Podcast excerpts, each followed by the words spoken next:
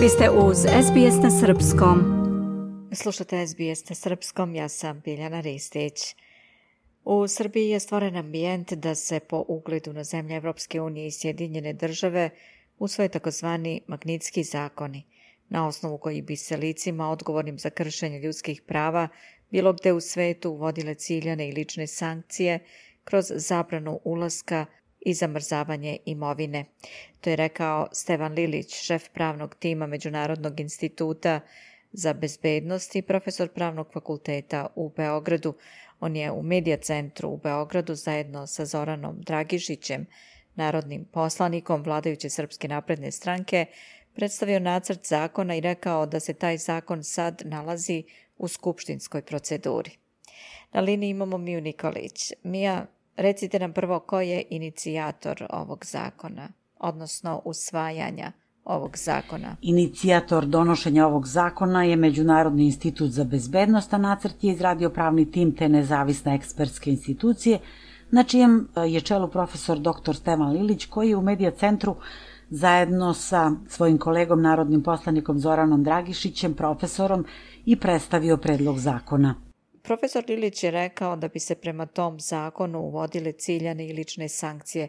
Šta bi to u stvari podrazumevalo? Kako je to objasnio profesor Lilić? Objasnio je da ciljane lične imovinske sankcije obuhvataju zabranu kretanja što su ograničenja u vezi sa vizama i ograničenje raspolaganja imovinom i finansijskim sredstvima, takozvano zamrzavanje imovine, odnosno plenitbu i privremeno oduzimanje stvari. Lične sankcije ovim zakonom uvode se protiv lica koja ubijaju, zatvaraju, vrše nedopušteni pritisak i neosnovano sprovode fingirane pravne postupke protiv građana koji se zalažu za slobodno vršenje svojih ustavnih i ljudskih prava, slobodu javnog okupljanja, protestne marševe, slobodu govora, javnu odgovornost državnih funkcionera i drugo, kao i protiv lica institucija koja faktički i medijski ugrožavaju i proganjaju lica koje otkrivaju korupcionaške afere, odnosno uzbunjivače, naveo je profesor Lilić. Naglasio je razliku u donošenju takvih sankcija na suprot onih koje se ustanovljavaju protiv čitavih država i koje pogađaju celokupno stanovništvo i mnoge nedužne građane. Ocenio je da je pravi trenutak da je Srbija usvoji magnitski zakon i odgovornim licima, pre svega u Ruskoj federaciji, odlučno uvede sankcije zbog teških povreda ljudskih prava. Mija, da li je zakon u skladu sa Ustavom Srbije? Profesor Lilić je naglasio da je ovaj zakon u skladu sa vrednostima propisanim u Ustavu Srbije. Sam nacrt je vrsta kompilacije napravljeno na osnovu evropskog zakonodavstva, a absorbovao je i određene institucije koje već postoje u srpskom zakonodavstvu, kao na primjer onaj o restriktivnim merama i diplomatskim sankcijama na osnovu odluka Saveta bezbednosti Ujedinjenih nacija, kao i zakon o oduzimanju imovine stečene krivičnim delom ili promocijom terorizma. Koji su razlozi da se taj zakon uvede u datom trenutku? Govoreći o predlogu da se u ovakvom globalnom trenutku donese ovakav zakon, profesor Lilić je posebno pomenuo ničim izazvanu agresiju Rusije protiv Ukrajine kao nezavisne države i članice Ujedinjenih nacija i ustavnu proklamaciju o pripadnosti evropskim principima i vrednostima koja je zacrtana i u prvom članu Ustava Srbije.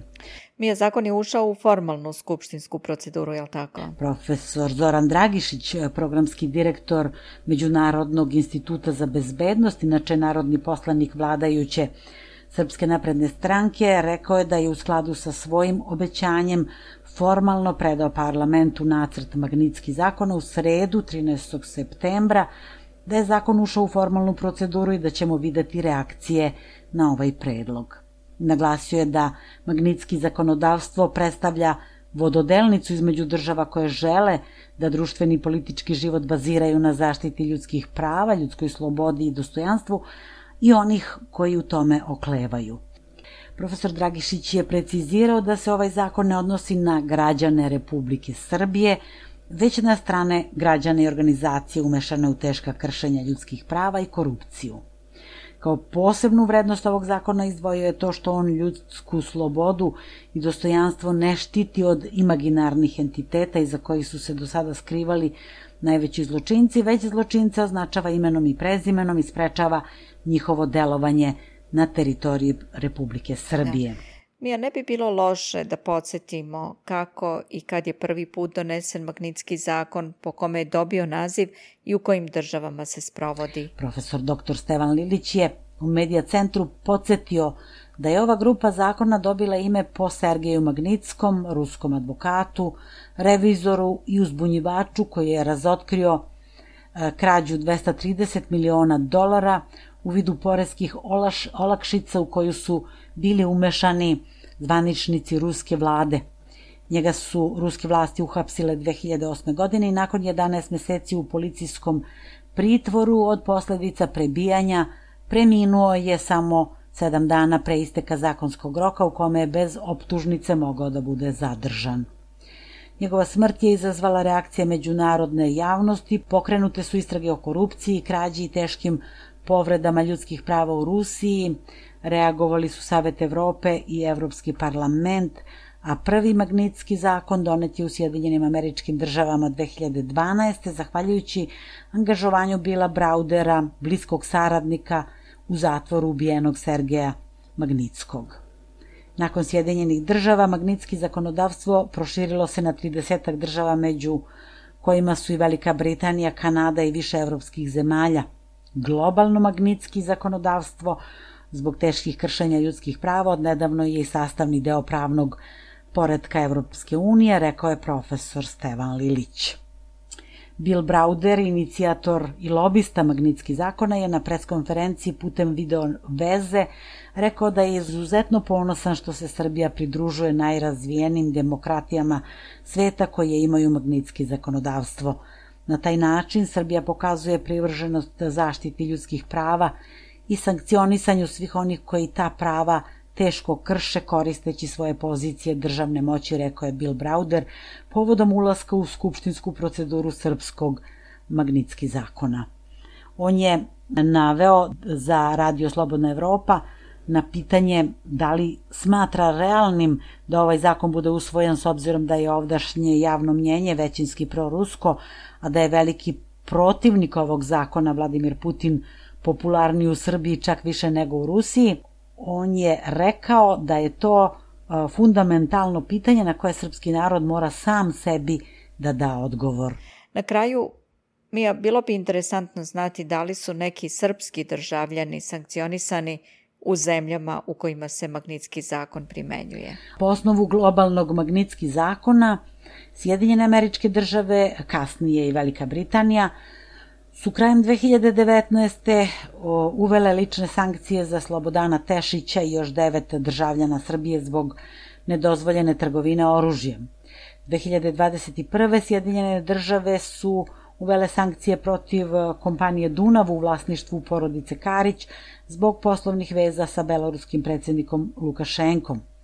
Ciljane sankcije Ministarstvo financija SAD-a je decembra 21. uvelo i licima sa severa Kosova na čelu sa Zvonkom Veselinovićem i Milanom Radojčićem i još 15 osoba, kao i protiv 24 kompanije za koje američke vlasti tvrde da su pod kontrolom ove grupe sa Kosova.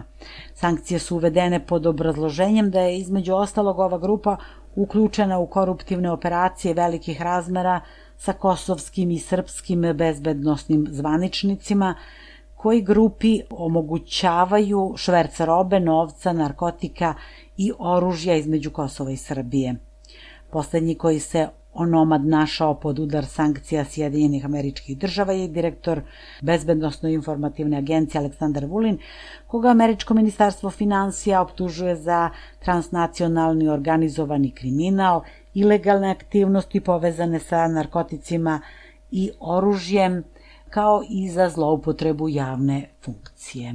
Studio? I toliko za danas. Hvala Mija. Bila je to naša saradnica iz Srbije, Mija Nikolić. Ja sam Biljana Ristić.